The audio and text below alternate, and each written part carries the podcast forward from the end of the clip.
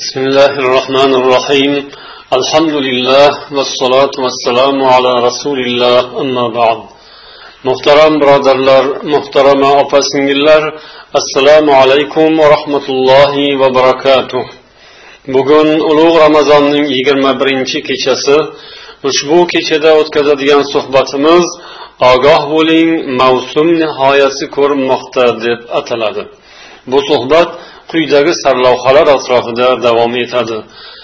Umringiz ichida bir marta kelgan mehmon. Ibodatlarning qaymog'i to'plangan fursat. E'tikof o'ltirish rasulimiz sunnatlari. Demak birinchi mavzu umringiz ichida bir marta kelgan mehmon. Aziz birodarlar mana ramazonning uchinchi o'n kunligi ham boshlandi. Bu degani ulug' mavsumning nihoyasi boshlandi demakdir.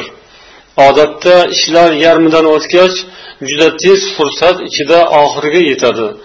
Yo'l ham yarmidan o'tgach qolgani uzoqqa cho'zilmaydi. Biz ham kunma kun bosib o'tayotgan barakotlarga to'liq bog' gulzorlar orasidan o'tib borayotgan bu manzilning ham tugaydigan chegarasi ko'rinib qoldi. Umr yo'limizning bundan keyin yanagi ramazongacha keladigan masofasida bunday orombaxsh manzillarning kam bo'lishi yoki umuman bo'lmasligini yaxshi bilamiz. Shuning uchun fursatni yana ham g'animat bilmog'imiz kerak. bir ming to'rt yuz yigirma sakkizinchi hijriy yilning yoki ikki ming yettinchi milodiy yilning ramazoni siz bilan biz uchun faqat bir martaga kelgan aziz mehmonimizdir.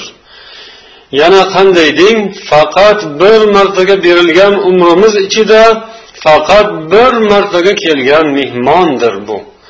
Alloh nasib etsa yanagi yili keladigan ramazon ikki ming sakkizinchi yilning ramazoni bo'ladi. Ammo ikki ming yettinchi yilning ramazoni esa endi qaytib kelmaydi. Biz bu oyda qilgan solih amallarimiz bilan inshaalloh oxiratda uchrashamiz. Demak umr ham bir marta berilgani kabi har yili keladigan ramazon ham insonga bir marta berilgan bo'ladi. Shunday ekan umrimiz ichidagi bir martalik mehmonni chiroyli kuzatishni alloh nasib aylasin. Yana kimlar uchundir ehtimol bu yilgi ramazon umuman oxirgi ramazon bo'lishi ham mumkin. Alloh umrlarimizni ziyoda qilsin yana ko'p ko'p ramazonlarni kutib olib chiroyli kuzatishni alloh hammamizga nasib aylasin. Ustimizdagi ramazon hammamiz uchun naqd imkoniyatdir. Naqdni qo'ldan boy bermaylik. O'tib bormoqdadir sanoqli kunlar zikru tilovatli maroqli tunlar. Aytingchi ne uchun bu ulug' ne'mat bunchalar qisqadir noyob g'animat. Ha inson umriga ishoradir bu. Tarixda yagona bir boradir bu. Suhbatimizning ikkinchi nuqtasi ibodatlarning qaymog'i to'plangan fursat. Allohga behad hamdu sanolar bo'lsinki ramazonning oxirgi o'n kunligi solih amallarning ham savoblarning ham rosa ustma ust to'plangan quyuqlashgan vaqti bo'ladi. Ibodatlarning qaymog'i ham ajru mukofotlarning qo'sha qo'shasi ham mana shu kunlar ichidadir. Hadislarda hammamiz orzu qiladigan laylatul qadr ham o'ninchi o'n kunlik orasida bo'lish ehtimoli ko'p ekani xabar qilingan. Ramazonning uchinchi o'n kunligi ulug' fazilatlarga ega ekanini qanday anglaymiz? Biz bu fazilatlarni rasululloh sollallohu alayhi vasallamning so'zlari va harakatlaridan tushunib olamiz. Rasululloh sollallohu alayhi vasallam mana shu fursat yetganda ya'ni ramazonning uchinchi o'n kunligi boshlanganda juda astaydil harakatlari astaydil boshqacha tusga kirardi ya'ni nihoyatda ko'payardi payg'ambar sollallohu alayhi vasallam boshqa vaqtlarda qilmagan darajada boshqa paytlarda ko'rilmagan darajada jiddiy harakat bilan ibodat qilar edilar sahih muslimda oysha roziyallohu anhu onamizdan rivoyat qilinadi payg'ambar sollallohu alayhi vasallam أن النبي صلى الله عليه وسلم كان يجتهد في العشر الأواخر ما لا يجتهد في غيره payg'ambar alayhissalom oxirgi o'n kunlikda boshqa paytlarda ko'rilmagan darajada mehnat bilan harakat bilan ibodat qilardilar وفي الصحيحين عنها قالت كان النبي صلى الله عليه وسلم إذا دخل العشر شد مئزره وأحيا ليله sahihayinda keladi oyisha roziyallohu anhu onamiz aytadilar nabiy sollallohu alayhi vasallam oxirgi o'n kunlik kirganda bellarini mahkam bog'lardilar tunlarni bedor o'tkazardilar va ahli oilalarni ham uyg'otar edilar. Yana oyisha onamizdan rivoyat bo'ladi كان النبي صلى الله عليه وسلم يخلط العشرين بصلاة ونوم فإذا كان العشر شمر وشد المئزر nabiy sollallohu alayhi vasallam yigirma kunni namoz va uyqu bilan aralash o'tkazardilar ammo oxirgi o'n kunlik bo'lganda yenglarini astaydil shimarib bellarini bog'lardilar ya'ni ibodatga astaydil kirishardilar degan ma'no. Mana shu o'tgan hadislardan biz to'rtta narsani xulosa qilib anglab olishimiz lozim bo'lar ekan. Birinchisi payg'ambarimiz sollallohu alayhi vasallam mana shu o'n kunlik ichida jiddiy harakat qilishlari ya'ni ibodatlarning hamma turidan bahramand bo'lib qo'llaridan kelgancha chiroyli va ko'p ibodat qilishga turli ibodatlarni bajo qilishga qattiq harakat qilardilar. Ya'ni namoz tilovat zikr sadaqa va boshqa turdagi ibodatlarni har qaysisidan bo'lsa ham ko'proq ko'proq astaydil chiroyliroq ibodat qilishga qattiq ahamiyat berardilar va bunga qattiq kirishardilar. Bu birinchi xulosa. Ikkinchi xulosa payg'ambar sollallohu alayhi vasallam mana shu o'n kunlik ichida bellarini mahkam bog'lardilar.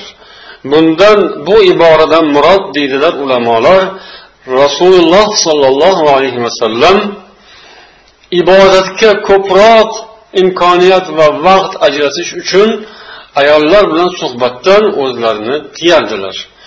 Bellarini mahkam bog'ladilar deganlarining ma'nosi shu deydilar ya'ni fikru zikrlari hayollari vujudlari zohiriyu botiniy borliqlari barcha barchasi ollohga ibodat qilishga ollohni ulug'lashga qaratilar edi demak bu ikkinchi xulosa uchinchi xulosa payg'ambarimiz sollallohu alayhi vasallam oxirgi o'n kunlikni uyqudan xoli bedorlik bilan o'tkazardilar ya'ni tunlarini obod qilardilar. Tunlarini demak ibodat bilan obod qilardilar. Qiroat zikr namoz tasbeh va shunga o'xshash qator ibodatlar bilan mana shu kechani o'tkazishga harakat qiladilar bu demak uchinchi xulosa.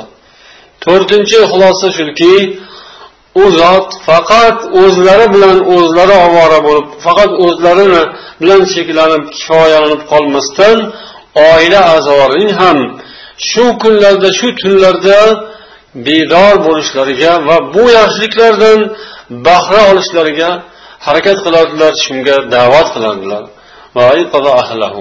demak inson faqat o'zini bilib boshqalardan ishi bo'lmasdan qolishi to'g'ri emas. U olloh huzurida savob olishni o'zi istayotgan bo'lsa olloh huzurida azoblardan ozod xoli bo'lishga xalos bo'lishga intilayotgan bo'lsa mana shu ikkita yaxshilik shu ikki narsa albatta boshqalar uchun ham kerak. Oila a'zolari uchun ham farzandlari uchun ham yaqinlari qarindoshlari yor do'st birodarlari uchun ham shu narsa kerak. Demak shunga ahamiyat qaratish lozim. Ularni ham shunga da'vat qilish ularga ham mana shu narsani tushuntirish ularga ham mana shunday yaxshilikni nasib bo'lishiga harakat qilish lozim. Payg'ambar sollallohu alayhi vasallamning yuqorida o'tgan hadislaridan kechaning hammasini bedor o'tkazadilar degan ibora o'tdi lekin ulamolar aytadilar boshqa bir hadisda sahih muslimda oysha roziyallohu anhu onamiz ما أعلمه صلى الله عليه وسلم قام ليلة حتى الصباح degan hadislari borligini eslatadilar ya'ni oysha onamiz men rasululloh sollallohu alayhi vasallamning biror kechani butkul namoz bilan tonggacha namoz o'qish bilan o'tkazganlarini bilmayman degan hadislar bor Yuqorida o'tgan so'zlar ya'ni mana shu oxirgi o'n kunlikni bedor o'tkazish haqidagi hadislar bilan mana bu hadis qanday bir biriga muvofiq keladi? Ya'ni bu hadisda rasululloh biror kechani biror marta tonggacha namoz o'qish bilan o'tkazganlarini bilmayman deyaptilarku. Bunga javob shu ekanki ulamolar aytadilar rasululloh sollallohu alayhi vasallam darhaqiqat demak kechaning boshidan oxirigacha faqat namozda turib qiyomda turib o'tkazishlari haqida gap ketayotgani yo'q ya'ni yuqoridagi hadislarda. Tunni o'sha mana shu oxirgi o'n kunlikning tunlarini uxlamasdan bedor bo'lgan holda o'tkazish degani bu faqat namoz o'qish bilan o'tkazish degani emas balki bu tunning ichida inson namoz o'qishi mumkin qiroat qilishi mumkin istig'for aytishi mumkin tasbeh aytishi mumkin yoki biror bir foydali ish bilan mashg'ul bo'lishi biror bir kitob o'qishi mumkin biror narsa yozishi mumkin yoki amr ma'ruf qilishi mumkindir ta'lim berishi mumkindir. Demak ibodat turlarining qaysi biri bilan bo'lsa ham mashg'ul bo'lsa bu demak kechani obod qilgan ibodat bilan obod qilgan hisobga o'tadi inshaalloh demak mana shu kechalarida inson shunday yaxshi ishlar bilan mashg'ul bo'lishni mayli talaba ilm qilib yoki boshqa foydali savobli ishlar bilan mashg'ul bo'lishni o'ziga kasb qilsa shuni odat qilsa juda ham ulug' fazilat ekan. Mo'min odam haqiqatdan bunday ulug' qimmatli fursatni behuda o'tkazmaslikka bu fursatni qo'ldan boy bermaslikka harakat qilmoq lozim. Chunki rasululloh sollallohu alayhi vasallamdek zot bu kunlarni mana shu tunlarni ibodat bilan o'tkazgan ekanlar demak bunda bir gap bor. Bu bejiz emas. Rasulullohdek zot demak shu ishni qildilarmi? Demak biz ham shunga muhtojmiz. Mana shu kechalarda demak ulug' fazilat bor katta marhamatlar bo'ladi juda katta muvaffaqiyat yutuqlarga inson mana shu kechalarda erishadi. Ollohning nazari marhamati tushadi.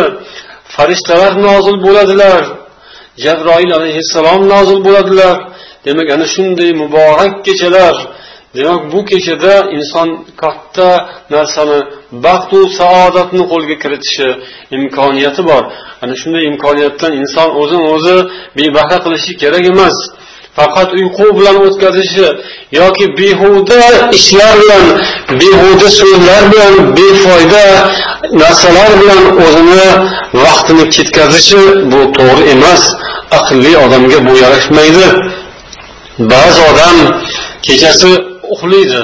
Faqat ba'zi odam esa uxlamasdan boshqa ishlar bilan mashg'ul bo'ladi. Yana bir odam kechaning avvalida yoki ko'pida bekor o'tiradi. Yo uxlay qolmaydi yo biror foydali ish bilan shug'ullanmaydi. Befoyda ishlar bilan vaqtini o'tkazadi. Agar u bir gapga tushib ketib qolsa osonlik bilan to'xtamaydi. Gapirishga arzimaydigan yoki hech zarurati bo'lmagan gaplarni ham gap deb gapiraveradi. Mayda gap ezma deysiz uni. Ming og'iz bunaqa behuda so'zning o'rniga bir og'iz astag'firulloh degani ming marta afzal edi aslida. Umrining eng qimmat bo'laklaridan bir necha soatini gap bilan o'tkazgandan so'ng ayni qiyom vaqti kelganda uni uyqu bosadi. Solih insonning nasihatiga bo'ysunmagan oxiri shaytonga taslim bo'ladi uxlab qoladi. Shu ketganicha ba'zan ollohning farzi bomdod namoziga ham tura olmaydi. Bu demak judayam xunuk holat. Bu narsa demak inson aqlli insonga yarashmaydigan narsa. inson o'zini qo'lga olishi hushyor tortishi va vaqtini faqat foydali ishlar bilan o'tkazishi lozim usaymin rahimaulloh bu borada aytadilar وهذا من تلاعب الشيطان بهم ومكره بهم وصده إياهم عن سبيل الله وإغوائه لهم mana shunday holat ya'ni kechani behuda o'tkazish yo uyqu bilan yoki bekor narsalar bilan befoyda ishlar bilan o'tkazish ham o'sha insonlarni shayton o'yin qilayotganidan bo'ladi. Shayton ularni aldab makr qilganning oqibati bu. Shayton ularni ollohning yo'lidan to'sib qo'ygani ollohning yo'lidan chalg'itib yuborganining ko'rinishi bu deydilar. Va allohning mana bu oyatini eslatadilar? Qola taala إن عبادي ليس لك عليهم سلطان إلا من اتبعك من الغاوين hijr surasining qirq ikkinchi oyatida olloh aytgan mening bandalarim ustidan senga hech bir yo'l kuch o'tkazish yo'qdir illo magaram adashgan kimsalar senga ergashgan adashgan kimsalar bundan mustasnodir degan Demak allohning chin bandalari shaytonga taslim bo'lmaydilar. Shayton ularning ustidan yo'l sola olmaydi. Shayton ularning qalbiga qo'l sola olmaydi. Shayton ularga o'zining ta'sirini o'tkaza olmaydi. Illo adashgan kimsalar illo nafsi e, haddidan oshgan odamlar illo demak qalbida kiri bor odamlar iymoni zaif odamlar shaytonga ergashadilar va uning vasvasasiga uchadilar aldanib qoladilar bilmaydilar ba'zi odamlar shunday noto'g'ri ish qilayotganini behuda vaqt o'tkazayotganini anglamaydi. Anglab yetib bormaydi. Bo'lib o'tgandan keyin biladi ba'zilar. Lekin oqil odam esa shaytonni hech qachon o'ziga do'st tutmasligi kerak deydilar usaymin rahimaulloh chunki olloh bizga shaytonni dushman ekanligini oldindan e'lon qilib xabar qilib qo'ygan.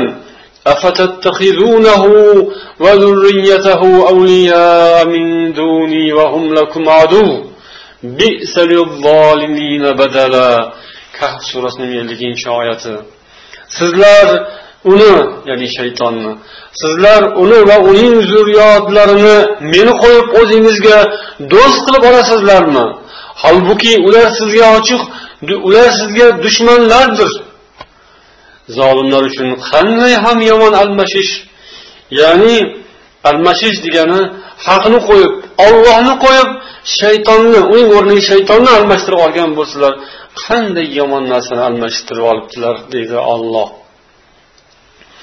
إن الشيطان لكم عدو فاتخذوه عدوا إنما يدعو حزبه ليكونوا من أصحاب السعير فاطر سورة 6 oyati shubhasiz shayton sizlarga dushmandir. Bas siz ham uni dushman qilib oling. U siz o'zining hizbini guruhini faqat jahannam sohiblaridan bo'lishlariga chaqiradi xolos.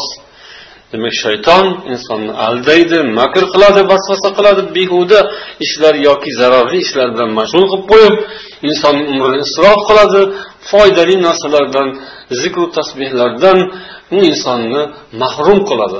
Olloh asrasin. Shuning uchun bu kunlarni imkoniyatimizga qadar iloji boricha o'zimiz va ahli oilamiz bilan ibodatda o'tirishimiz bu kunlarni demak ko'p savollar oladigan xayrli mavsum ekanini esimizdan chiqarmasdan undan ko'p foydalanib bahra olib qolishimizni alloh oson qilsin. Suhbatimizning uchinchi oxirgi nuqtasi e'tikof o'tirish rasulimiz sunnatlari deb nomlanadi. Yana mana shu uchinchi o'n kunlikning xislatlaridan biri shuki rasululloh sollallohu alayhi vasallam shu o'n kunlikda e'tikof o'tirardilar. E'tikof degani masjidda inson o'zini masjidga bog'lashi go'yoki ya'ni doimo masjidda bo'lishi masjidni o'ziga lozim tutishi. Ollohning toati uchun ibodati uchun inson o'zini butkul dunyo ishlaridan ozod qilish ollohning ibodatiga bag'ishlash. Shuni demak e'tikof deyiladi. Bu demak allohning kitobi va rasulining sunnatlari orqali sobit bo'lgan yaxshi amal. Olloh qur'onda aytgan baqara surasining bir yuz sakson yettinchi oyatida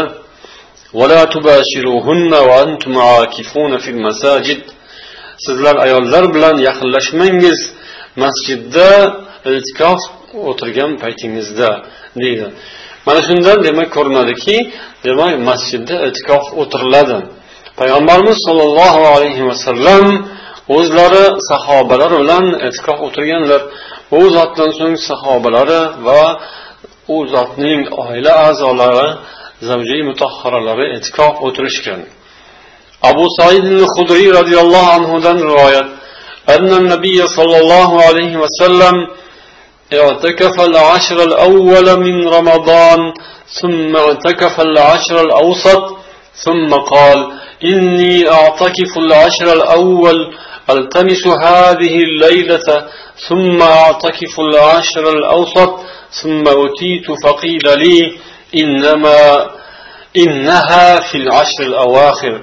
فمن أحب منكم أن يعتكف فليعتكف رواه مسلم nabiy sollallohu alayhi vasallam birinchi o'n kunlikda e'tikof o'tirdilar ramazonning birinchi o'n kunligida e'tikof o'tirdilar keyin o'rtadagi o'n kunlikda e'tikof o'tirdilar keyin dedilar men birinchi o'n kunlikda mana shu kechani laylatul qadr kechani qidirib e'tikof o'tirdim keyin men o'rtasida qidirib e'tikof o'tiraman keyin menga shunday xabar berildiki laylatul qadr oxirgi o'n kunlikdadir bas kimki sizlardan e'tikof o'tirishni istasa mana shu kundalar mana shu oxirgi o'n kunlikda e'tikof o'tirsin dedilar وفي الصحيحين عن عائشة رضي الله عنها قالت كان النبي صلى الله عليه وسلم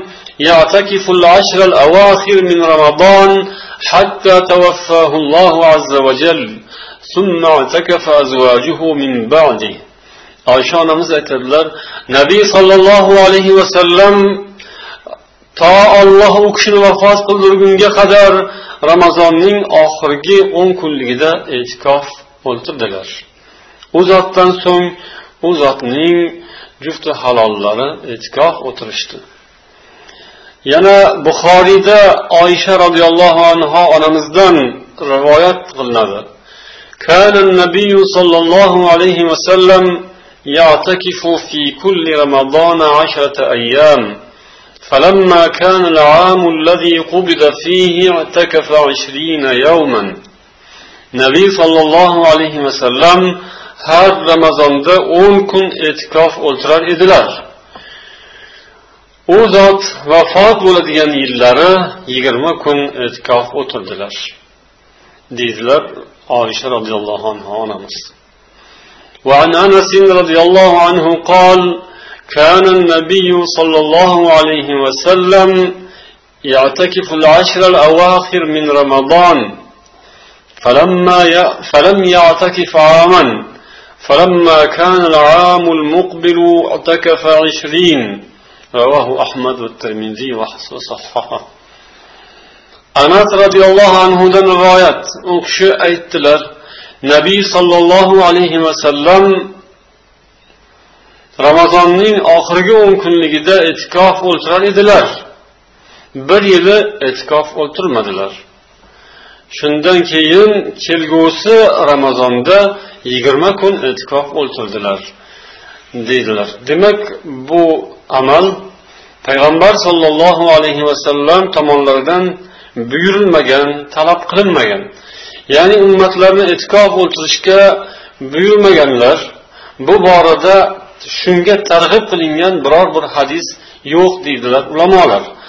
Ammo o'zlari e'tikof o'ltirdilar. Va mana bu hadisda kim xohlasa mana shu kunda o'tirishni xohlasa o'tirsin dedilar. Ammo bunga qo'shimcha targ'ibotlar da'vatlar qilmaganlar.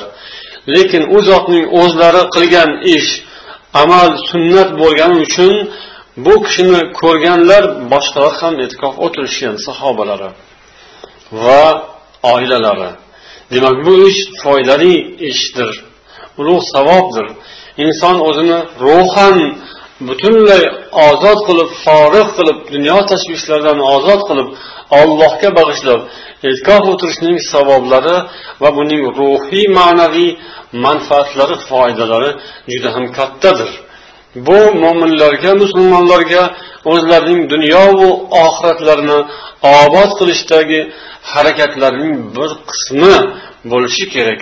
Mana shu siz insonning ishlari demak hammasi juda ham chiroyli bo'lib keta olmaydi. Inson demak qiladigan ibodatlari harakatlarini ichida albatta bunga ham joy ajratishi o'zi uchun oxirati va dunyosi uchun foydalidir. Biz inshaalloh e'tikof haqida kelgusi suhbatlarimizda batafsil to'xtalamiz. O'shanda inshaalloh e'tikofning shartlari turlari va uni buzadigan narsalar shunga taalluqli bo'lgan boshqa masalalar haqida suhbatlashishga harakat qilamiz inshaalloh سبحانك اللهم وبحمدك أشهد أن لا إله إلا أنت أستغفرك وأتوب إليك والسلام عليكم ورحمة الله وبركاته